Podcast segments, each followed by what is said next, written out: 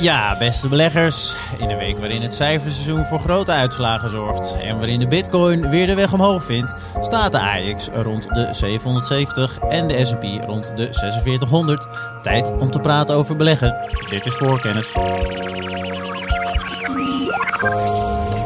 are three ways to make a living in this business. Be first, be smarter, or cheat. No, I don't cheat. Beleggersbelangen presenteert voor kennis. Ja, beste beleggers. Leuk dat jullie weer luisteren naar een eh, nieuwe aflevering van Voorkennis. Mijn naam is Maarten Butterman en samen met uh, beleggingsspecialisten Jeff Thijssen en toch ook weer Karel Merks werpen wij uh, weer een blik op de financiële markten. Michiel Pekelharing wensen wij beterschap en die schrijft in principe volgende week weer aan. Deze week gaan we het hebben over beleggen in de heropening van de economie. Defensief beleggen in uh, 2022. Uh, de TMX-groep, eigenaar van de Canadese beurs en ook small caps. En zoals altijd beginnen we echter met een terugblik op het nieuws van de afgelopen week. we beginnen daarvoor met een gast die helemaal uit het zuiden van het land is komen aanwaaien voor de, de podcast. Jeff, leuk dat je er weer bij bent. Wat is jou allemaal opgevallen deze week? Ja, fijn om er weer bij te zijn. Ja, verschillende punten. Ik zal er drie uh, kort noemen. Eén daarvan is natuurlijk uh, ja, dat erop lijkt, in ieder geval Nederland, het kabinet gaat versoepelen met de coronamaatregelen. Uh, aantal patiënten op de IC's neemt af. Dus daarom ook het thema heropening 2022. Dat is voor ja, verschillende bedrijven, ja, moet dat positieve uitpakken. Zonder die er, meer. Die er veel last van hebben gehad. Ja. wat me ook is opgevallen, weer een leuk nieuwsfeitje wat er weer voorbij kwam, is dat Amerikaanse ja, uh, werknemers zeggen massaal hun baan op. Uh, afgelopen maand 4 uh, miljoen Amerikanen die hun baan hebben opgezegd. Nou, in een periode van zes maanden is dat schijnbaar al meer dan 20 miljoen. En Pittig.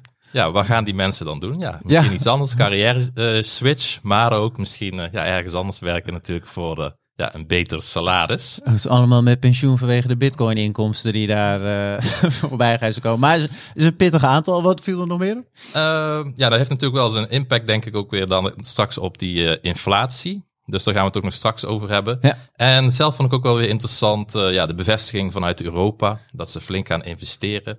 43 miljard in de Europese chipindustrie. Ja. Minder afhankelijk zijn van, ja, van buiten Europa. Nou, eerder zagen we in de VS ook al ja, de US Chips Act. Die gaan 25 miljard investeren in onderzoek naar microchips. En 50 miljard voor de bouw van fabrieken. En ja, dat is natuurlijk uiteindelijk positief nieuws voor de sector. Ja, zonder meer een sector die al heel goed heeft gepresteerd de laatste jaren. Um, en daar uh, gaat ongetwijfeld nog heel veel gebeuren. Komen we ook dan weer op terug. Karel zit er ook weer. We komen haast niet van hem af, zou je zeggen. Maar het is gewoon erg fijn dat hij elke keer toch weer even wil bijspringen voor wat extra dynamiek. Maar bovenal gewoon hele goede informatie voor de beleggers. Leuk dat je erbij bent. Dat is jou me opgevallen deze week. Ja, het is ook een, geen grote moeite. Want er gebeurt elke week hetzelfde. dus ja, ik bedoel, als je dan kijkt naar de afgelopen week. Het stond er in teken van de grondstoffen. Ja. Een vat olie uit de Noordzee, Brent, steeg naar 94 dollar.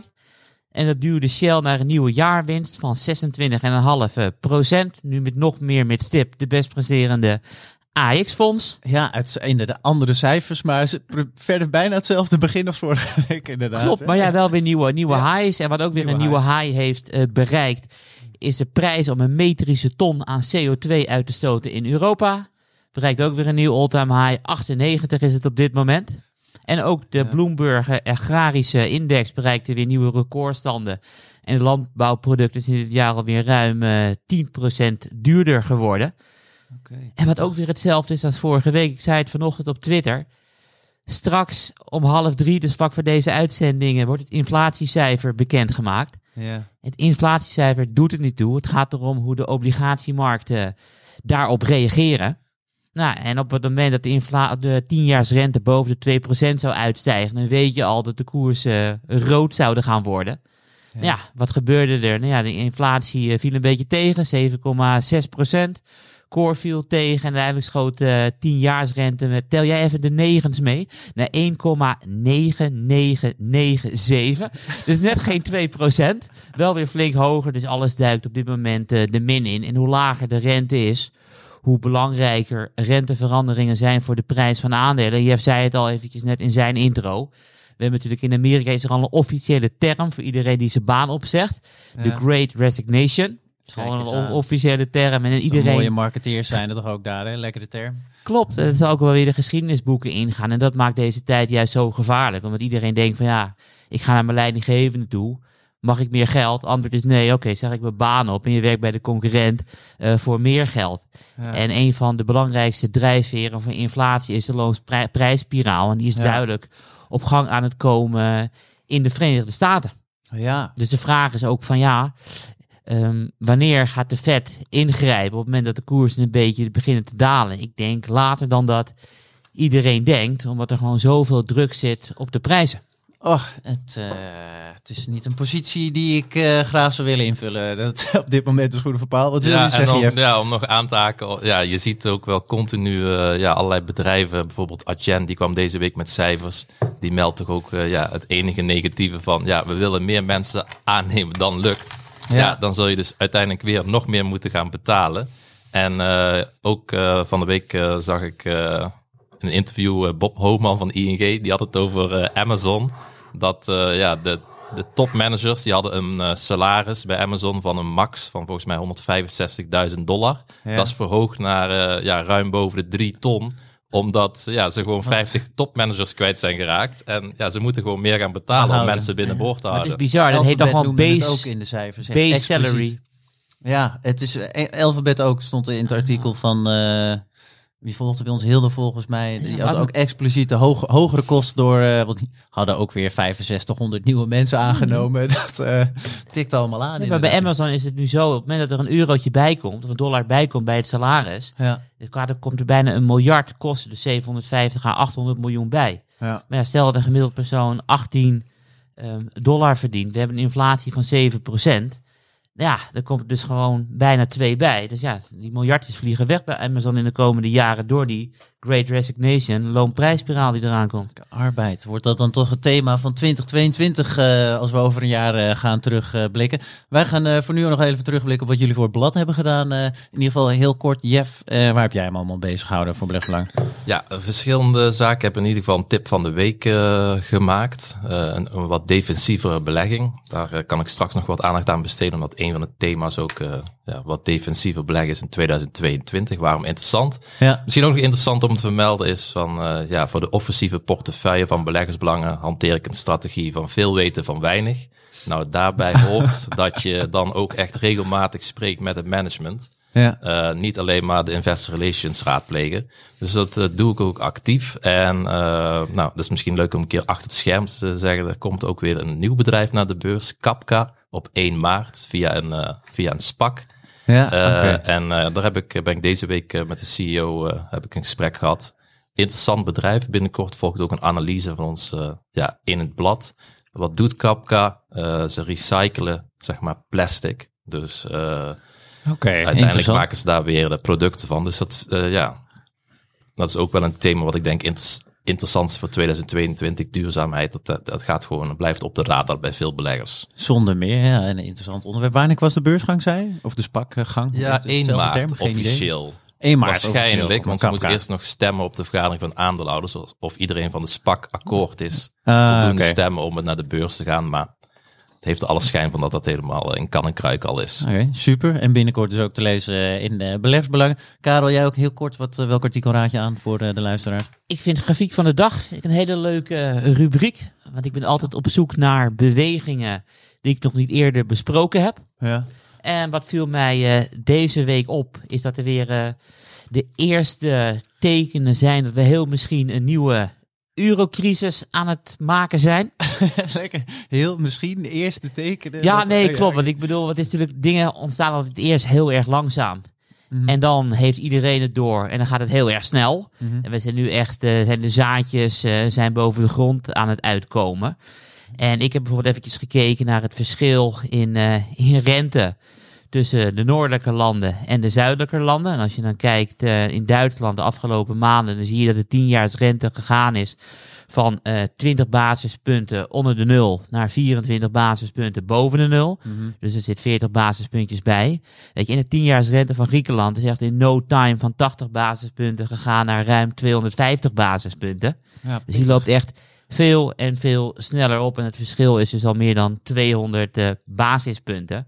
Ja. Kijk, het is op zich niet vreemd dat al die landen, eh, die, die PIX-landen, dus Portugal, eh, Italië, de geest van Griekenland en Spanje straks weer in de problemen gaan komen. Want de schulden zijn na corona veel hoger dan voor corona als je het afzet tegen het binnenlands bruto product. Dus op het moment dat je vroeger in de problemen kwam bij een rentestijging, kom je nu veel eerder in de problemen, omdat je eh, dus veel meer schuld hebt dan toen de tijd. En dan heb je een Lagarde die ja, de rente gaat verhogen, de inflatie die boven de 5% is en ook die loonprijsspiraal die waarschijnlijk wel in Europa op gang gaat komen, wat wij vaak de Verenigde Staten met een paar maanden verder in de tijd volgen. Ja. Dus ja, het zou mij niet verbazen dat die spread nog veel verder gaan. En dat we straks weer gaan hebben over, jongens, we doen het ieder voor onszelf. En moeten we niet een keertje beginnen met een transferunie? Want als je één munt hebt, moet je ook eerlijk alles samen doen. En anders moet je geen eh, unie Nee. zijn natuurlijk. Ik, Dus het wordt wel eh, weer spannend in de meer- komende ja, maanden. Voor de luisteraar die denkt, nou ik ga het artikel nog lezen. Dit is langer dan het hele artikel, denk ik. Maar schitterend uitgelegd inderdaad. Ja, en ik zet uiteraard nog wel eh, het artikel in de show notes. Het eh, gaat om voor de grafiek, hè? Ja, zonder Maar die meer. grafiek zegt, meer dan duizend woorden. Zoveel heb ik er niet ah. uitgesproken. Dus eh, Schitterend. Tijd om verder te gaan. Voorkennis. Verder met het eh, eerste onderwerp eh, van deze uitzending. En dat is eh, eigenlijk beleggen in de, heropening van de economie. Sommige bedrijven profiteren daar natuurlijk meer van dan anderen. Ook eentje in het bijzonder, daar duiken we eerst even in voordat we gewoon even globaal gaan behandelen. Jeff, wat is er gaande en waar moeten beleggers precies naar kijken? Ja, ik denk dat eh, 2022 toch voor veel mensen op dit moment tot nu toe een ja, moeilijk beleggingsjaar is. Eh, we zijn slecht uit de startblokken gekomen. En eh, ja, er zijn verschillende redenen voor. Nou, een van de thema's voor 2022 waar ik zelf wel in geloof is eh, ja, de heropening. We zien ook recent in Nederland dat er toch echt wel ja, veel meer versoepelingen gekomen. We gaan op korte termijn allemaal weer naar kantoor, is, is in ieder geval beloofd en toegezegd. Ook de horeca gaat langer open. Nou ja, er zijn gewoon heel veel bedrijven, met name technologie, die heeft ervan geprofiteerd dat de boel zo lang mogelijk op slot bleef. Maar er waren een hele hoop bedrijven die er heel veel last van hebben gehad. Denk bijvoorbeeld aan eh, ja, natuurlijk bedrijven als Heineken, AB InBev, de horeca. Maar ook eh, sportclubs, Basic Fit. En eh, ja, ook bioscoopuitbaters. En ja, daar wilde ik even kort bij stilstaan. Een van mijn tips in de coronacrisis, dat was Kinopolis. Die hebben Ja. ongeveer 20 bioscopen in Nederland. Maar ze zitten voornamelijk ook in België, Amerika en eh, Canada. Ik vind het zelf een heel interessant bedrijf. Toen ik dat tipte, kreeg ik nogal wat eh, ja, feedback. Van, eh, ook van lezers natuurlijk. Van dat de timing, ja, wie, wie gaat zoiets aanbevelen op het moment dat, ja, dat er echt de zalen nog dicht zijn. Ja. Nou ja, ik heb, neem daar eigenlijk een hele simpele beurswijsheid mee van, ja, zonder risico geen rendement. Maar ook iets wat ik gewoon van mijn ouders heb meegekregen van, ja, wanneer is het moment om een, eh, ja, bijvoorbeeld om een winterjas te kopen, niet wanneer de blaadjes van de boom vallen.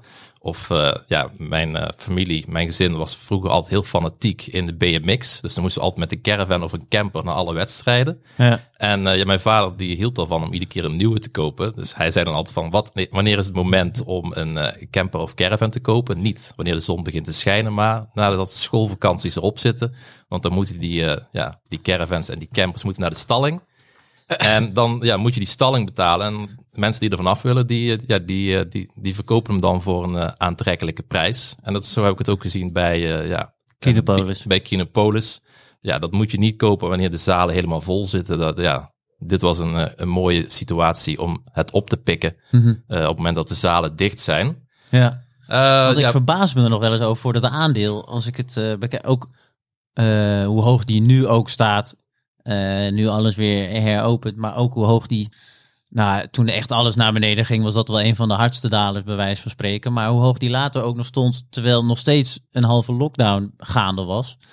Dat, Ja. eh, ik, ik verbaas me daarover. Maar het is eh, nog verder opgelopen. En nu is het nog steeds een eh, interessant aandeel, of niet? Ja, ik vind het nog steeds een interessant aandeel. Ik heb het management meerdere keren gezien. Ook in het verleden vanuit ja, mijn vorige werkgever. Want er zaten ook meer wat in, in de Belgische hoek. Omdat ja, de, het management was Belgisch. En eh, ja, wa- ja, waarom is het interessant? Eh, ja, ze hebben echt in hun DNA zitten om eh, continu maar te kijken van... ja, hoe kunnen we het ja, kosten efficiënter doen en hoe kunnen we er meer winst uithalen. En Mhm. ze hebben een soort van expansiefase, dus ze, ze zijn uit vanuit België steeds meer ja, andere vestigingen gaan overnemen in andere landen. Mhm.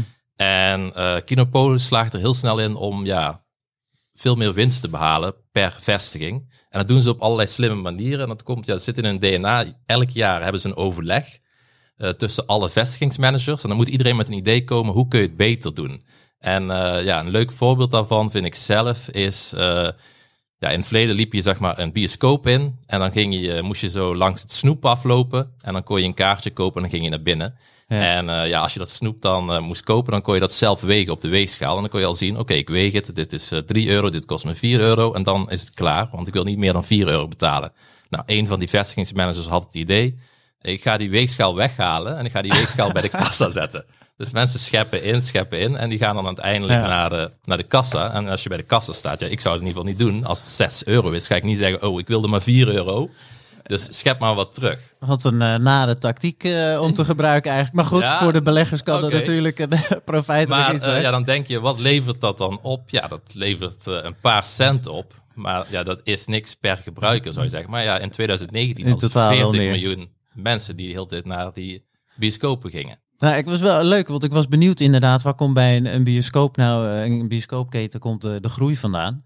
Maar op dat soort manieren wordt er dus, Ja, ik vijf- dacht alleen eigenlijk overnames, andere partijen eh, en noem het maar op. Maar dit is een, ook Nou, een het, leuke het manier. grootste gedeelte komt natuurlijk de winst van het verkoop van tickets. Uh, maar aan de andere kant zit natuurlijk ook gewoon ja, voornamelijk wat iemand eet.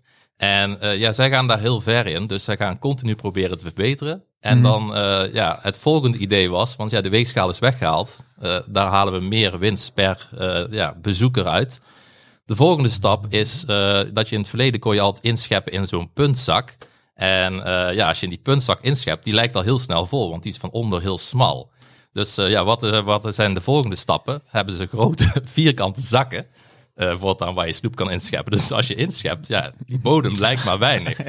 En dat is weer een paar... Uh, Karel ja. Wijs, die, die is er ingetrapt volgens mij. Die, die, die is laatst naar de bioscoop gegaan en ik waar komt deze vierkante zakken vandaan? Nee, ik, uh, ik wil graag wat vragen aan Jeff. Wat Tuurlijk. Ik bedoel, uh, ik vind fantastische verhalen vind ik altijd fantastisch. Uh, alleen, ik ben altijd nieuwsgierig van, wat is de waardering op dit moment? Want wat betaal je voor dit fantastische ja. snoepzakje met een platte bodem? Uh, ja, ik heb niet de, de waardering zo uit mijn, uit mijn hoofd. Ik heb wel, uh, ja, ik weet ongeveer wat uh, ja, de beurswaarde is. De beurswaarde is uh, volgens mij rond de anderhalf miljard. Ja. En ehm, ja, het vastgoed, want ze hebben ook een, ja, ze beheren heel veel van die zalen zelf. Dat is hun eigen vastgoedportefeuille. Ja, die wordt ongeveer door, ja, analisten schattingen lopen uiteen tussen de 800 miljoen en de 1,2 miljard. Uh, wordt okay. die portefeuille geschat. Uh, ja, de waardering heb ik zo een pittig niet... onderdeel van de totale beurswaarde in ieder geval, wat daarmee bij elkaar uh, zit. Ja, ik heb de waardering nu op dit moment niet zo op, op, op, op mijn netvlies. Uh, ik weet wel dat zeg maar, ja, de analisten, die zijn, er zien er nog heel veel potentieel in. Want uh, als ik even kijk naar ja, wat zijn de koersdoelen. We zetten nu op 56 euro. Zij, ja, de koersdoelen, het laagste is 64 euro en het kan oplopen naar 79 euro. Uh, als ik even moet kijken. Aardige aantallen in ieder geval voor een kleine bioscoop uitbaten. Want het, Ja. zit, het is Belgisch beursgenoteerd, toch? Of niet? Klopt. En uh, ja, analisten die re- rekenen op een vrij kaststroom van 130 miljoen. Ik heb mijn eigen sommetje nog niet uh, ja, helemaal gemaakt, want ik, op korte termijn kom ik met een omslagartikel over Belgische aandelen. En dan ga ik hier ook uh, ja, opnieuw Ah. naar kijken. Ik was zo benieuwd hoe de link met jou zit in België. Jij komt best wel vaak met Belgische aandelen tips, wanneer je bijvoorbeeld ook een tip van de week schrijft. Maar daar komt daar komt de link dus ook vandaan. Ik was ook nog voor Karel, voor jou benieuwd. Jij hebt ook recent in de heropening van de economie nog een ETF getipt Jij bent voor hetzelfde de thema. hoogte, Maarten. Waar, hoe gaat het daarmee? Want- Ja, eh, heel erg goed. Ik bedoel, dat was volgens mij eh, eind november. ja. En het idee was, ehm, iedereen stelde vliegrestricties in naar Zuid-Afrika. ja. Terwijl de Zuid-Afrikaanse doktoren riepen van... jongens, Omicron is echt de lichtste variant die we gekregen hebben. Mensen worden minder ziek, minder vaak in het ziekenhuis, et cetera. Ja. En de rest van de wereld zei, ik geloof dat niet. Nou ja, 40% gingen van de stok 600 eh, travel af. Ja, toen had ik zoiets van, jongens, dit is het donkerste voor zonsopgang. En volgens mij komt de zon al op, omdat het veel minder eh, schadelijk is dat iedereen denkt. En wat Jeff ook zei... Dezelfde beweegreden als Jeff. Ja, klopt. En wat Jeff ook zei, nu heeft iedereen eh, dat door, want we gaan heropenen. Ja. En als je dan kijkt naar 2022, de één na best presterende, nee, de drie, op twee na best presterende sector zijn de defensieve aandelen. Hebben we hier behandeld. De op één na best presterende sector zijn de grondstoffen. Die zijn ook voorbij gekomen. En de best presterende sector is eh, toerisme met eh, ruim 15% beter dan de AX. 15% punt. Oké. Dus wat dat betreft gaat het goed. En ik heb er wel een vraag aan Jeff van. Ik bedoel, eh, waar ik, waar ik mee worstel. Het gaat nu dus hartstikke goed met die positie. Ja. Nu wordt iedereen wakker. Dus ik geloof ook wel nu dat het mensen die dingen iets minder snel zien eh, dan wij, dat die nu ook gaan kopen. Maar ja, hoe, hoe lang zal die beweging nog doorgaan? Die Ja. heropening treedt. Want iedereen ziet het nu, dus iedereen stapt nu in. Dus er komt een flow aan. Dus ja, misschien is het binnenkort wel tijd om afscheid te nemen van die Stock 600 eh, Travel ETF. Want er zit een hoop tussen aanhalingstekens troep in. Dus ik bedoel, het is geen lange termijn eh, Nee. belegging. Want het zijn onder andere honden, wedstrijden in de UK en Maar jij bent zelf nog niet op dat punt, als ik het... eh, Nee, maar ik neig er wel na twijfelt nu nu. gewoon het zo duidelijk is dat... Ja. Kijk naar Nederland, we hadden de strengste lockdown in Europa. En nu zie je allemaal berichten van ja, aanstaande zaterdag gaan de discotheken open. En sommige burgemeesters zeggen al van, we weten niet of we gaan handhaven. Ik bedoel, dat is zegt wel iets over hoe open we gaan. Jeff, heel kort, eh, hoe lang eh, ben jij nog van... Ja. want het is sowieso, het advies is al een tijdje terug, eh, teruggebracht naar houden volgens mij. Klopt. Ik, en in, in notendop denk je, er zit nu nog ruimte voorlopig in. Anders zou je het natuurlijk niet onder aandacht brengen, denk ik. Maar Ja, ik. eh, kijk, ik heb. eh, er zijn wel wat dingen veranderd door de coronacrisis. Want eh, ja, de, de, de bioscopen gingen helemaal dicht. Dus ze hebben een nieuwe oefening gedaan in België. En de nieuwe oefening was. eh, ze gingen er altijd vanuit. We gaan kosten besparen met z'n allen.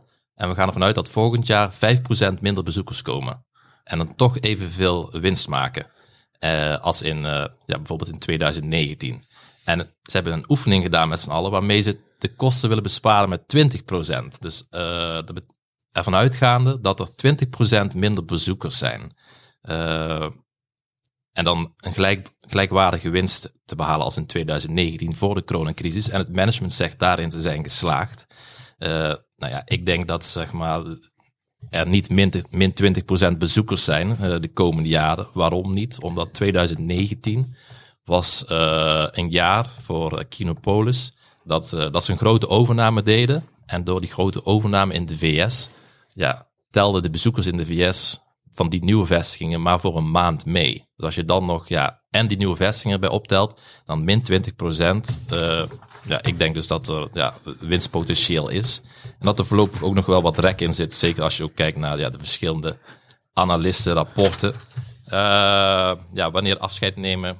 Ja, dat, Nog niet dat in ieder afwachten. geval. In ieder geval voorlopig niet. Ik ben Nee. nog eh, positief genoeg om die positie eh, aan te houden. Oké, Karel, eh, t- t- schrijf op een papiertje, heel kort, heel kort. Nou, nog heel kort aan Karel voordat we verder gaan. Ik bedoel, als je 130 miljoen vrije kaststroom hebt, de beurswaarde is 1,5 miljard, dan heb je een free cashflow yield van 9%. Dat betekent gewoon dat er bakken met geld binnenkomt waar je gewoon eh, niet heel veel voor betaalt. Want een free cashflow yield van 9% is echt hoog. Ik bedoel, als je kijkt naar Unilever, ze zitten op 6. Kijk je naar Nestlé, ze zitten op 3. Apple zit nu op 2, nog wat. Dus het aandeel is niet duur als je kijkt naar de free cashflow yield. Kijk eens aan, mooi besluit. Voorkennis. Om verder te gaan eh, naar het eh, volgende onderwerp. eh, want dat Karel geruime tijd grondstoffenliefhebber is. Dat weten de vaste luisteraars van voorkennis eh, ongetwijfeld. Eh, maar ja, goed, nu grondstoffen al een flinke tijd zijn opgelopen. Moeten we dan, of kunnen we dan niet nog elders kijken? Karel. Ja, want eerst dacht iedereen, we gaan elektrisch rijden. En nu denkt iedereen, de olieprijs zal wel boven de 100 gaan. We zijn al op 4,95 eh, beland. En Warren Buffett zei ooit natuurlijk, eh, be fearful when others are greedy. And greedy when others are fearful. Nou ja, iedereen lijkt nu behoorlijk hebzuchtig te zijn met grondstoffen. Ja. Dus ik kijk altijd met de, met de domino-steentjes die aan het vallen zijn. Dus ik bedoel, wat is het volgende domino-steentje? Dus ik zat te denken, maar ja, wie profiteert er nou van dat iedereen nu naar grondstoffen gaat? En dat is denk ik de beurs in Leuke vraag. Toronto. Ja. Want de beurs van Toronto is de grondstoffenbeurs wereldwijd. Niet alleen relatief de meeste grondstoffen, maar ook procentueel de meeste grondstoffen aandelen. En op het moment dat de nieuwe miners naar de beurs gaan, gaan ze vaak naar Toronto toe. Ja. Dus het gaat hartstikke goed eh, met die beurs. Alleen ik denk nog niet dat iedereen eh, dat doorheeft. Want als je bijvoorbeeld kijkt naar 18 maanden eh, geleden, eh, had de TMX Group, waar de beurs van Canada Toronto onder valt, een vrije kaststroom eh, van 4%. Eh, Mhm. denk even mee met die bioscoopketen. Dat is echt dubbel zo duur als, als wat Jeff net omschreef. Dus ik bedoel, dat is iets duurder, maar Ja. wel nog aantrekkelijk. En als je dan kijkt in de afgelopen jaar, of de afgelopen 18 maanden, is de yield naar 5,5 gegaan. Dus echt, de waardering is met ruim 20, 25 procent gedaald. Eh, en ik denk eh, dat ik binnenkort wel een keertje uitgebreid naar de TMX groep ga kijken. Waar- waarom is hij zo gedaald? ja, die is zo gedaald omdat eh, zij geld verdienen afhankelijk van het aantal aandelentransacties op de beurs. Ja. En omdat nu iedereen in grondstoffen begint te handelen, grondstofaandelen, komen er steeds meer transacties en verdienen zij steeds meer geld. Alleen beleggers lopen een beetje achter. Eh, en die vergeten elke keer hoeveel geld eh, die beurs verdient. Maar die kijken liever naar bijvoorbeeld nu een rode dat Shell waar we het over hadden. Of andere grote oliemajors. Maar als je Ja. dan kijkt naar eentje, één stapje verder. Dus waar zijn al die aandelen genoteerd? Ja. Dan kom je uit op Canada. eh, het grondstoffenland ter wereld. Misschien met Australië erbij. Maar ze zijn wel... lijkt me leuk. Dus ik Ja, ga er binnenkort ga ik er eventjes... Eh, is- er, is zo'n bedrijf als dit, zit daar gewoon de koopkracht, zit dat ingebakken? Eigenlijk is dit bijna in hun businessmodel, toch? het zit Als bijna zo- wel in, in een businessmodel. Dat op het moment dat er een, een beurscrisis uitbreekt Ja. en iedereen begint aandelen te dumpen, ja. dan krijgen ze ook nog een transactie voor al die aandelen die worden gedumpt natuurlijk. Dus ik bedoel, het is wel een hele eh, stabiele business, ook in de crisis. Alleen heel vaak denken mensen van, ik moet grondstof aandelen hebben. En dan zie je die waarderingen zie je dan best sterk oplopen. Alleen zo'n grondstoffenbeurs loopt vaak in de hele cycli wat, wat achter. En ik heb er nog nooit over eh, geschreven. En de reden waarom ik het onderwerp nu wil behandelen, omdat ik af en toe ook wil laten zien van ja, hoe ben ik aan het denken, brainstormen voor de komende artikelen in de beleggersbelangen. Ja. Dus ik moet nog even het jaarverslag eh, doorlezen. En misschien schrik ik me wel te pletter van de risicoparagrafen. Denk ik, moet ik nooit doen. Geen, geen expliciet koopadvies dus dit. Nee, nee, nee, maar het Dat, is gewoon eh, aan het begin van het eh, proces. Wat ik bedoel, we hebben natuurlijk een... Nee, is ook heel leuk. Ja. Want je hebt, je hebt wel eerder op het proces, je hebt eerder ehm, afgelopen jaar heb je C- CME Group getipt.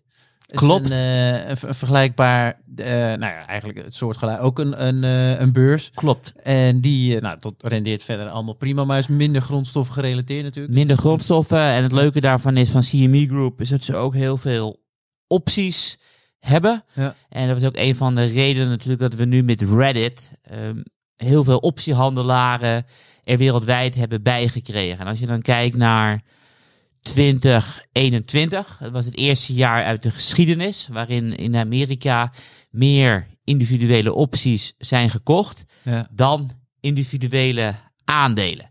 En het idee is natuurlijk dat je, met- als je één optie koopt, heb je meteen de onderliggende waarde van 100 aandelen. Ja. Dus al die Reddit-gasten en nieuwe beleggers en mensen die Universal Basic Income hebben gekregen in de VS, die kopen allemaal opties. En aan het begin van dat Het- proces... Het, aandeel staat ook flink hoog. dat, eh, gaat, dat was een erg mooi tip. Ik zat weer even ja, maar dat was ook gewoon met die, met die optiehandel-idee was dat ook. Ja, leuk. En zo kom je dus nu dus ook bij de, Ja. de Canadese Ja, alleen uit ene was dus of- optiehandel en dit is dus de grondstoffen. En zo ben ik een beetje aan het brainstormen naar Van nieuwe interessant kan zijn. ideeën. Ik kom zo nog heel kort even ter- terug op grondstoffen. Want eh, ja, je laat toch net een beetje tussen neus en lippen doorschrijven dat je een beetje zenuwachtig begint te worden. Ik denk heel even voor Canada. Ik, ik, je, hoort, je hoort eigenlijk nooit iemand over beleggen. Heb jij wel eens in Canada wat belegd, eh, Jeff, of niet? Ehm, ja, niet dat ik eigenlijk Nee, kan herinneren. Ja, wel, wel, zeg maar, ja, indirect. Want ja, bijvoorbeeld als je belegt in, wat ik net zei, ja, Kinopolis, dan Oh ja, die, die zitten heel natuurlijk veel ook. Oh, je noemde het ook echt daar. nog expliciet. Ehm, Want dus ja, ik vind ik dat zelf te kijken wel voor lastig. namen. Ja, dat ik zat, ver van huis. Ik heb dan liever ja, dichter bij huis, dat je ja, er meer van... Ja, dat je altijd eh, eventueel contact kan opnemen met het management of eh, investor relations.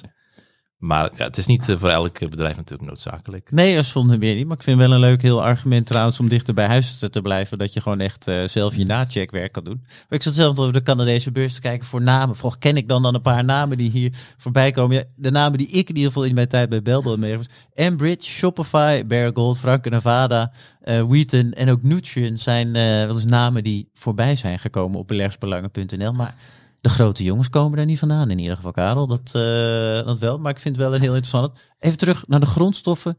Begin jij nou een beetje eh, van, je, van je boel eh, af te komen? Word je, word je minder enthousiast? Ik Heel word kort, op de korte termijn word ik minder enthousiast. Ik wil de komende jaren nog steeds Ah, hartstikke enthousiast. En de komende tien dagen is de ideale tijdstip als Poetin wat gaat doen. Nou ja, kijk, op het moment dat hij Oekraïne binnentrekt, gaat alles door het dak. Doet hij dat de komende tien dagen niet, nou ja, dan trekt hij waarschijnlijk weer alles terug. En gaat ook die risicopremie eruit. Dus de komende weken word ik wat minder enthousiast. Want op het moment dat iedereen eh, naar mijn kant van de boot rent, dan word ik zo bang dat die boot omslaat. Heerlijke vergelijking. Oké, prima. Maar dan komen we daar, eh, wanneer je misschien wel weer een keer eh, minder boel is, wordt eh, ongetwijfeld nog op terug. Voorkennis. En, eh, want we gaan verder met het volgende onderwerp. De term was al heel even gevallen. Volgens mij zei Karel dat de defensieve aandelen het dit jaar eh, het beste presteren. Defensie. Defen oh, defensie-aandelen. Oh, nou, dat is grappig, dat is precies hetgeen dat ik aanzit. het volgende onderwerp. Veel beleggers zijn eh, bekend met het onderscheid van de, defensieve en cyclische aandelen. Cyclische aandelen zijn gevoeliger voor schommelingen in economische groei en reageren heftiger op uitslagen in vooruitkijkende indicatoren.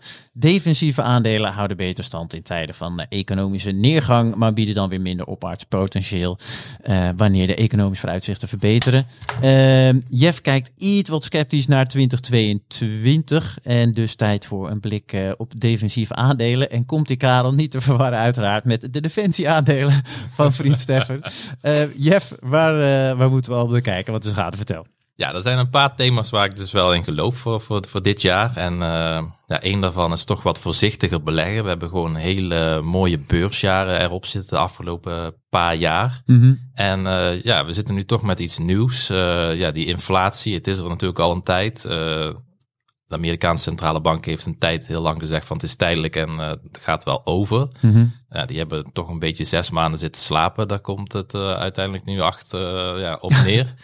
Maar eh, ja, inflatie in het systeem, eh, ja, dat is gewoon iets wat al ja, heel lang niet meer is geweest. En eh, ja, de beleggers zullen daaraan moeten wennen. Ook dat bijvoorbeeld de centrale bank ja, moet gaan komen met, met renteverhogingen. En het is heel onzeker in welke tempo en welke snelheid dat gaat plaatsvinden. Ik denk dat dus, ja, mensen die bij de centrale bank werken dat zelf ook niet weten met welke snelheid dat gaat gebeuren.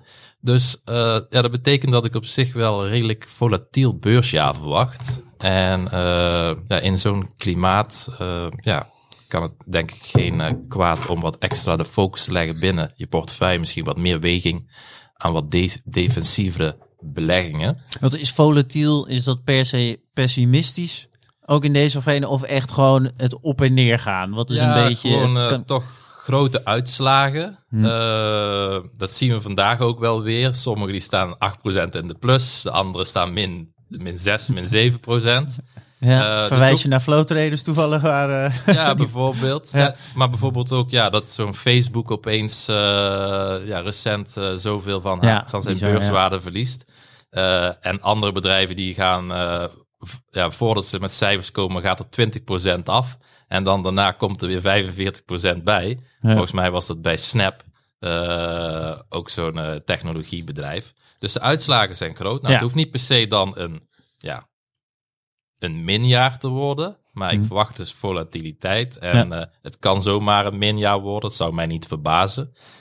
En ja, defensieve beleggingen, die, ja, die, dat geeft dan wat meer rust en wat meer zekerheid. En die zouden het op zich best goed kunnen doen. Zonder dat je ook ja, tegen hele grote koersschommelingen aankijkt. ja, want dat lijkt me fijner die, kunnen inderdaad. Dan, ja, ook die kunnen natuurlijk gewoon eh, ja, er last van hebben. Maar als we echt kijken naar het bedrijven zelf. Bijvoorbeeld deze week hadden we al een tip van de week.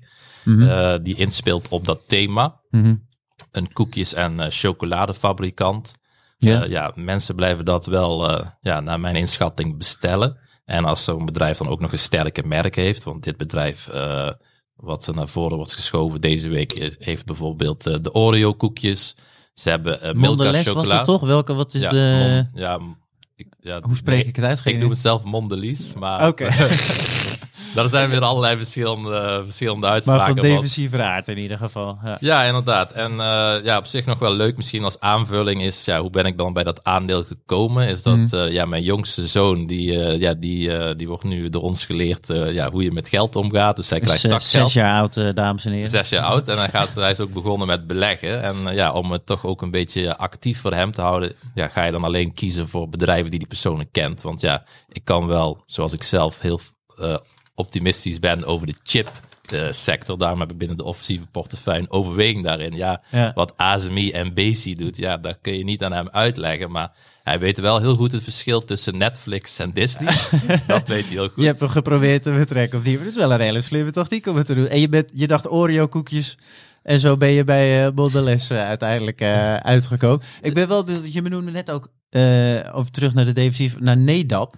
Gaf je als voorbeeld heel even aan, ehm, wat is nou een, een voorbeeld in ieder geval van een defensief stukje van het aandeel NEDAP, is dat zij de klantendossiers doen. Dat is nou een stukje dat echt economisch niet eh minder ja, voor de bezig zou worden met economische. Ja. elektronisch eh, patiëntendossier. Nou ja, eh NEDAP, ja, het is ook weer een bedrijf wat ja, gewoon een hele sterke balans heeft.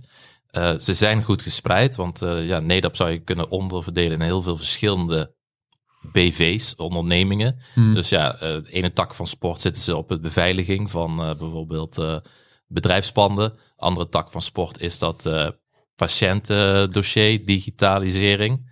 Ja, zo hebben ze heel veel activiteiten, maar ze hebben ook gewoon ja, st- sterk ja, cashflow.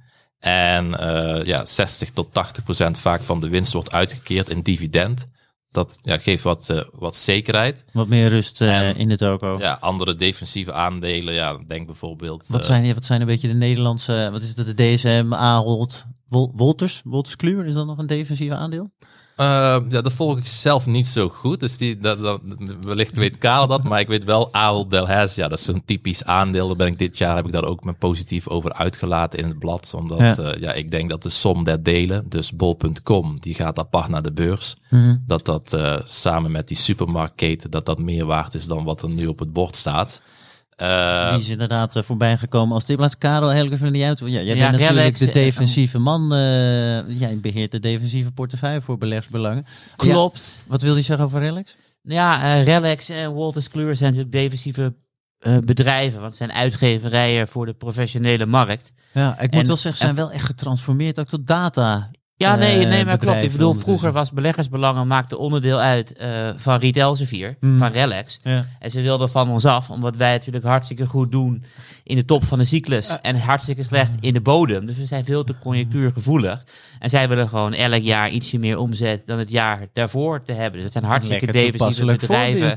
Die ook in de crisis gewoon flink geld blijven verdienen. Dus Ja. Walters Kluwer is sowieso eh, defensief. Hey, nee, heel even, heb- jij bent, eh, ik, weet- je doet het ook defensief natuurlijk. Voor de, heb je toevallig ETF's of zo? Stel dat een belegger op dit moment eh, denkt van, nou ja, goed, ja, ik zou inderdaad wat meer defensief spreiden. Is er een ETF die daar op een bepaalde manier een mooie kleur aan geeft? Ja, kijk, ik denk van eerst moeten we even weten van wat is offensief beleggen.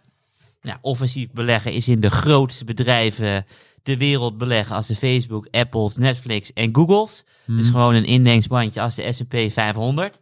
Dus op het moment dat je weggaat bij die extreem eh, dure aandelen, begin je automatisch al eh, defensief eh, te beleggen. En er zijn heel veel mooie ETF's die we de afgelopen Oh, jij jaren... koppelt het aan, aan duur op dit moment. Ja, Ja, oké, Ja, ja, ja, verder prima. ik bedoel, als je bijvoorbeeld kijkt naar eh, eh, Momentum ETF, gelijkgewogen ETF, eh, de Mode ETF wel eens behandeld, eh, de Hmm. Buyback Index, zijn allemaal defensieve beleggingen. Maar je zou ook bijvoorbeeld kunnen denken van ja, welk percentage van de aandelen heb je in Amerika belegd? En gaan we wat meer in Europa beleggen? Dat is ook weer defensief. defensief beleggen. Alleen het lastige is natuurlijk wel, je moet een, de hele eh, cyclus moet je uitwachten Mhm. om er echt profijt van te hebben. Want als je kijkt naar zo'n pareltje als Ahold, stond gewoon op 11, 12 euro in 2007. Ja. Weet je, in de bodem van de financiële markt was het 6 nog wat. En de winst ging elk jaar omhoog en de omzet ging elk jaar omhoog. En alles ging omhoog. Ja. Alleen op het moment dat de crisis is, zijn de flows natuurlijk ook heel erg belangrijk. Ik vind het wel een hele leuke manier om naar hoe kan je defensief beleggen te kijken. Om dat inderdaad op die manier eh, toch zo pak een vleugje Europa extra erbij. Want ik was er wel. Ja, want Europa is echt naar- laag genoteerd. Hè? Want Ja, qua waardering Ja, bedoel we je zijn, dan ja, en een andere hele lage gewaardeerde is de UK. Want ik zat gisteren nog een rapport van Barclays te lezen. Hmm. Dat de afgelopen 50 jaar, ehm, met data van 50 jaar, dus minimaal 50 jaar, de aandelen in de UK Ja. niet zo goedkoop zijn geweest ten opzichte van eh, de rest van de wereld. Ehm, Japan is een ander voorbeeld. Nikkei, 40.000 punten in 89. Mhm. Nu 27.000 punten. Ook afgelopen 30 jaar niet zo goedkoop geweest als nu. Nee, oké. nou dat zijn leuke manieren om defensief te spreiden. Jeff, je hebt nog Ja. een, eh, een extra of vraag of tip? Voor- Nou ja, wat ik nog wel leuk vind is dat inderdaad wat, eh ja, wat Karel zegt, ook een defensieve belegging kan natuurlijk eh, ja, flink onderuit gaan. Eh, een goed voorbeeld daarvan is eh, bijvoorbeeld zorgvastgoed. Nou, dat heb je wel, denk ik. eh, ja, iedereen kan er wel denken van dat. Trek de vraag uit. ik, ik hoef ze niet meer te benoemen. Ja, sorry. Ja, dat, ik had die nog staan. ja, Vastgoed was voor mij een vraagteken Zorg, ja, zorgvastgoed, dus je denkt, nou, dat is natuurlijk heel, heel defensief. Maar Ja. nu blijkt dus in Frankrijk dat ja, een van de Zo, oh, beheerders zeg, ja. ja. niet zo goed heeft gezorgd voor ja, opa en oma in, in het verzorgingstehuis. Eh, en ja, alle, heel de sector, 60% onderuit. eh, heel de sector eh, ja, onderuit. Ehm, ja, zoals ik bijvoorbeeld aangaf van ja, ik zou voor 2022 wat voorzichtiger beleggen. Nou, dat kun je dus doen door een stukje misschien wat meer cash aan te houden. Mhm. Je kan ook overwegen om ja, misschien te kiezen voor een wat atypischer aandeel. Mhm. Dan heb ik het bijvoorbeeld over flow traders, wat vandaag wel onderuit ging. Maar dat is een, een market maker, een handelshuis, Ja. wat gebaat is bij onrust op de markten. Vorig jaar hebben ze volgens mij, eh, wat hebben ze verdiend? Want dat had ik wel even opgeschreven. 2,63 per aandeel Mhm. verdiend. Nou ja, dat, eh, het aandeel ging toch fors onderuit. Waarom? Ja, minder dan verwacht uiteindelijk. En ze gingen iets minder eh, ja, dividend betalen dan verwacht. Een lagere payout ratio, want ze zien kansen om te investeren. Nou ja, ik weet wel waarom, waarin, denk ik. Eh, crypto blijft eh, de gemoederen bezighouden. Super volatiel. Op weektijd weer 20% gestegen. Ja, zij timmeren daar op dat gebied ook aan de weg. Ja. Dus eh, ja, wellicht zien ze daar kansen en ja, gaan ze minder dividend uitkeren. Ja, ik denk dat het geen slechte zaak is, maar ja, een, een bepaalde groep beleggers ziet er natuurlijk wel zo, die er echt in zitten voor dividend. Maar ja, vorig jaar, 2000, nee, twee jaar geleden, 2020, verdienen ze ongeveer een tientje per aandeel. Dus als je een hoop volatiliteit verwacht, nou, we hebben al een eerste kwartaal gezien wat redelijk volatiel is. Ja, zeker. Verwacht je dat dat doorzet, ja, dan zijn zulke aandelen bijvoorbeeld een, een flow traders, maar ook in Amerika Virtu Financial is ook een, een market maker, is dan interessant. Ja. En het verschil tussen beide is dat de flow trader zit meer in de ETP's, dat zijn ja, voornamelijk ETF's. Eh, en ja, Virtu heeft ook wat meer eh, blootstelling aan eh, de optiehandel. Wat Karel al zei van ja, opties eh, zijn heel erg populair geworden. Er worden steeds meer ingehandeld. Ja. En eh, ik heb recent ook nog eh, Interactive Brokers gehoord, een van de bekendste brokers wereldwijd. Die ziet ook wel echt een toename van beleggers die handelen in spreads. Dus niet één optie kopen, een call of een put, maar echt dan zeg maar bijvoorbeeld ja, een butterfly doen of een iron condor die meteen uit vier opties bestaat. Want die is, maar dat is dan dus dat is dan meer voor volatiel dan voor defensief? Of die schaar je nu heel even? Ja, je kan het wel zien als een extreem defensieve belegging. Als eh, ja, het echt heel slecht gaat op de Ja. beurs, dan zijn die bedrijven die, die gaan dan mooie winsten genereren. En ja, vaak zie je in een portefeuille, kun je het echt zien als een hedge. Dus ook een soort als ja, verdedigingsmiddel.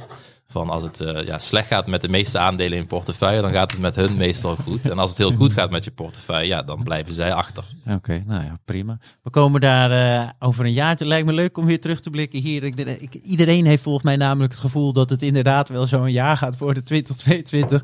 In ieder geval anders dan voorgaande jaren. Het lijkt me leuk eh, om er over een jaar eh, weer over terug, terug te blikken. Komen we er dan op terug? Voorkennis. Want het is alweer tijd om naar het eh, laatste onderwerp te gaan. Karel kijkt verbaasd. Ja, ik heb veel eh, A4'tjes eh, die ik lekker Voor de, luisteraars, Maarten gooit elk A4'tje Ja, door de studio eh, heen. snel door met het volgende onderwerp. Hè? Want ja, we zitten alweer bijna drie kwartier te praten. Het laatste onderwerp is dat ook tevens. En dat is ook een heel leuk onderwerp overigens. De small caps. Toch altijd een interessante beleggingscategorie. En blijkbaar ook in tijden van inflatie. Karel. Klopt, want small caps zijn de enige categorie, data vanaf 1930, die elke periode van 10 jaar, dus 1930, 1940, 1940, 50, et cetera, altijd een rendement heeft behaald dat hoger was dan de Amerikaanse inflatie. Oké, En, interessant. en geen enkele asset class heeft eh, die reputatie. Keurig. Want je had bijvoorbeeld in de jaren 70 waren dramatisch door de inflatie voor de S&P 500. Ja. En de S&P 500 steeg inclusief het dividend met 5,9% per jaar. Maar de inflatie was ruim 8% per jaar. Dat was een heel stuk hoger. ja. Dus je ging gewoon in koopkrachten vooruit, inclusief als je dividenden meerekent. Maar small caps eh, deden gemiddeld 15% eh, elk jaar in de jaren 70. Oh, dat is wel een grote outperformance. Ja, klopt, klopt. En het mooie is natuurlijk van dat eh small caps afgelopen jaar heel slecht gepresteerd hebben. Want die zitten ook niet meer in een boelmarkt. De Amerikaanse smallmarkt zit op de sorry, het afgelopen jaar ook of afgelopen maand? Ik afgelopen recent- 52 weken. Oké, ja. zijn gewoon eh, op de laagste standen van de afgelopen 52 weken en ruim Ja. 20% onder de all-time high.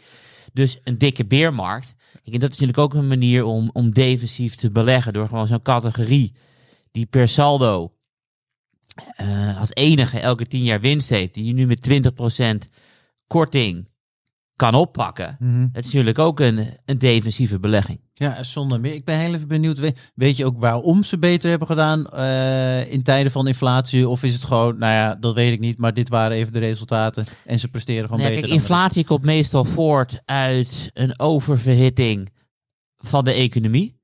En dat komt ook meestal voort dat beleggers echt verschrikkelijk enthousiast zijn. Mhm. Weet je, en wat kopen beleggers als ze verschrikkelijk enthousiast zijn? De best presterende aandelen van de afgelopen jaren. Als je dan kijkt naar de jaren, begin jaren 70, dus die S&P 500. Wat waren de aandelen met een hele zware weging? Denk bijvoorbeeld aan Walt Disney. Een koers-winstverhouding van 90. Eh, Polaroid was een van de grootste aandelen ter wereld. Een KW eh, van 85. Je had Kodak, McDonald's. Allemaal belachelijk hoge koers-winstverhoudingen. En niemand wilde aan het begin van de jaren 70 die small caps hebben. Ah, Ja, en hoge waarderingen zullen op lange termijn altijd weer richting het gemiddelde trekken. En aandelen die genegeerd worden, zullen altijd ook weer naar het gemiddelde trekken. Dus het is meer dat eh, de grote aandelen af en toe een hele dikke zeepbel eh, ontstaat. En niet in die kleintjes. En het voordeel is op het moment dat je kijkt naar die Russell 2000, de 2000 small caps. Ik bedoel, Er kan er best een keertje eentje omvallen. Dat doet niks aan het rendement af. Mhm. En kleine bedrijven kunnen grote bedrijven worden. Zonder meer.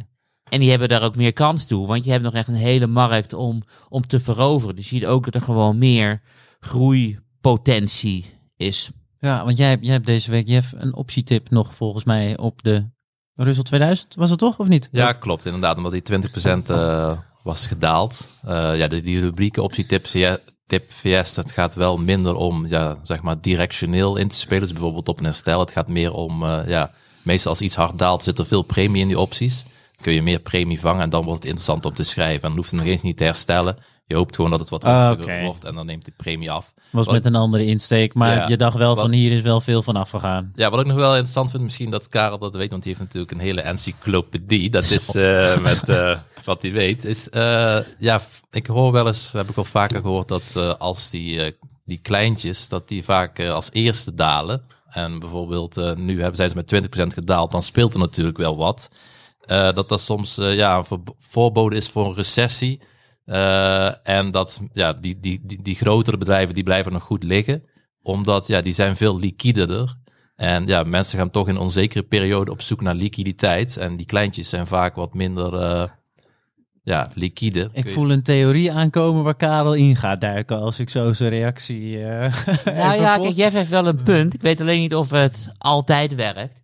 Want ik bedoel, wanneer zag je eh, dat de technologie-zeepel uit elkaar barstte? Dat was maart 2000. Mhm. Eh, wanneer bereikte de AEX een all-time high? Het was in oktober 2000, gewoon echt zes, zeven maanden later. En het gebeurde inderdaad wat Jeff zegt, weg van het al het speculatieve gedrag. En je koopt die index en je hoopt dat je veilig bent. Bij de volgende crisis zagen we precies hetzelfde gebeuren, 2007. Toen schrok iedereen zich de pletter in mei of in juni dat twee fondsen van BNP Paribas aan het omvallen waren. Eh, want de fi- financial crisis begon. Toen dacht iedereen ook van ja, we gaan weg bij al het speculatieve financials. We gaan schuilen in de grote jongens. Je had gewoon die kredietcrisis die in mei, juni uitbrak. En in oktober eind bereikte de AEX en de S&P 500 nog eh, nieuwe hoogste standen. Dus, en afgelopen jaar zie je dat ook gebeuren. Want ik bedoel, we hadden net voor de uitzending hadden we het nog even over van wanneer piekte al dat speculatieve uh, aandelentipjes, om het zo maar eventjes te noemen. Dat was Mhm. precies een jaar geleden met de ARK Innovation ETF. En die begon te glijden. Wanneer piekte eh, die, al die meme-stops? Een jaar geleden. Pak Ja. de SPEC-index precies een jaar eh, geleden. Afgelopen 52 weken was voor de hele aandelenmarkt eh, dramatisch. Ik heb ook al vaak in de uitzending gezegd van ja, 40% van de Nasdaq staat 50% onder de all-time high. Eh, dus Jeff heeft wel een punt van we gaan natuurlijk elke keer opschuiven. Kan een Ja, voorbode. alleen, het kan een voorbode zijn, alleen het is geen garantie. Nee, er is, er is wel één natuurlijk. ding waarbij je wel bijna een garantie hebt. En dat is de, de yield curve. Dus het verschil in rente tussen de tweejaars en de tienjaars in de Verenigde Staten. Mhm. En als je kijkt naar sinds 1971, heeft als de tweejaarsrente hoger is dan de tienjaarsrente, is een 100% van de tijd een recessie gevolgd binnen 1 à 2 jaar in de Verenigde Staten. En eh, er is nooit een recessie gevolgd zonder dat het 2 à 10 jaar invers zijn.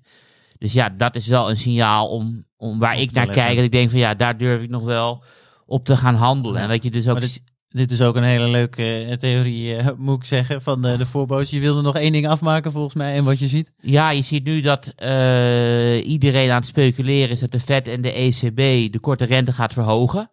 Eh, de tweejaarsrente beweegt vooral mee op basis van wat de centrale banken doen. En tienjaars over hoe het economisch gaat. Dus die twee jaar gaat echt heel stijl omhoog. Eh, in Europa is het verschil al eh, zo de kleinste sinds 2008. In de Verenigde Staten zitten er ook nog maar 60 basispunten tussen. Dus de vraag is hoe, hoe agressief gaat de ECB en de Fed zijn. En de Great Resignation laat zien dat de Fed en de ECB gewoon agressief zullen zijn. Dus het gaat een van de interessantste jaren worden uit onze carrières, heren. Tot zover een, een heel mooi bruggetje eh, die eh, qua op het onder het mom van voorbodes. Nog even terug naar de small caps, want daar hadden we het natuurlijk over. Immer enthousiaste Karel.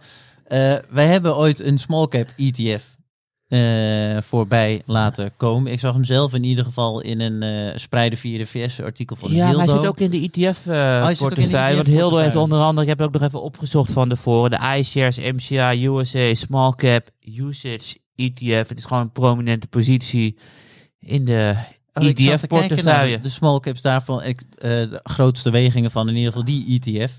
Ik ken dus, ik dacht, god, ken ik dan een paar van die bedrijven? niet? Plug Power, toch? Komt? Marathon Oil Corp, Oh ja. eh, LPL Financial Holdings, Quanta Services, Kimco Reality Rate Corp en eh Builders First Source waren eh, de bovenste naam. Ik, de eerste naam die ik erkende, eh, volgens mij was dat toch ooit geen small cap, was Alcoa. Die is gedegradeerd. Dat eh, Klopt. kan, kan blijkbaar ook zeg maar dat het van Klopt, maar realiseer is je wel dat de grootste Amerikaanse small caps nog altijd een beurswaarde hebben Ja. van ruim 1 miljard. Waardoor je in Nederland gewoon geen small capper bent. Nee, dat je gewoon meedoet in de AMX. Maar Dus dat is- was toch, dat was toch een DAO-aandeel vroeger, of niet? Ja, dat klopt. Er waren altijd, het was een DAO-aandeel. Want dat was volgens mij altijd het eerste aandeel dat de kwartaalcijfers eh, bekend maakte. Omdat ze zo eh, goed hun administratie op orde hadden. Daarom was het een bellwether hoe beleggers reageerden op aandeelhouders. Maar dat was in de tijd dat ik eh, iets meer haar had glorie. en eh, jij nog op school zat, Maarten. Inderdaad, oké. Ik zal het artikel voor wie het eh, wil nalezen, in ieder geval spreiden via de VS, was het eh, van Hildo Sek ook nog heel even in de show notes. Tijd om nog even kort vooruit te blikken. Voorkennis. Want er gaat volgende week ook vast nog wel eh, genoeg gebeuren. Karel, heel kort, begin even met jou. eh, nog specifieke bedrijfscijfers waar je naar uitkijkt? Zeker, ik ga kijken naar eh, de Canadese bedrijven die met cijfers komen. Nou, Mooi ik maak geen grap, ik heb het echt opgeschreven. Ja, nee, heel Ik bedoel, we hebben Franco Nevada, First Majestic Silver en Wheaton komen. goed. Oké. Het is wel weer interessant om te kijken van hoe en, en wat. Maar daar kom ik zeker weten op terug, want ik vind het een van de leukere dingen om te bestuderen. En Franco Nevada is geloof ik eh, het bedrijf dat het record heeft dividendverhogingen in de, in de goudbusiness. 14 of 15 jaren achter elkaar. Dus eh, Je kijkt ernaar uit. zeker. Oké. We hebben wat te doen dit weekend. Ja, nou, prima. Jeff, jij hebt toevallig nog iets eh, op de planning staan waar je expliciet naar kijkt voor komende week? Ja, niet iets in het bijzonder. Ik, ik ben eh, ja, bij beleggersbelangen volg ik de sector industrie, handel zakelijk en handel consumenten. En daar komt echt een eh, ja, stormvloed Aan cijfers Aan voor- cijfers. Dus eh, daar heb ik dan mijn handen vol aan. Eén daarvan is bijvoorbeeld eh Ahold Delhaize. Die komt volgende week eh, woensdag. Net ook besproken. Keurig netjes. Kunnen we die volgende week nog heel even op eh, terugblikken in de cijfers. Dan eh, zitten er, als het goed is, eh Stefan eh, Hendricks en ook Michiel Pekelharing en eh, Taken vervangt mij eh, de komende week. En dat wordt ook eh, uitermate een leuke, ongetwijfeld een leuke uitzending, wilde ik zeggen. Ik dank in ieder geval Jeff weer eh, voor zijn aanwezigheid en vele reiswerk om hier de podcast op te nemen. Karel, zoals altijd, jij ook weer eh, uiteraard eh, bedankt. En tegen de luisteraars eh, zeg ik, zoals altijd, ook 所，佛分的位。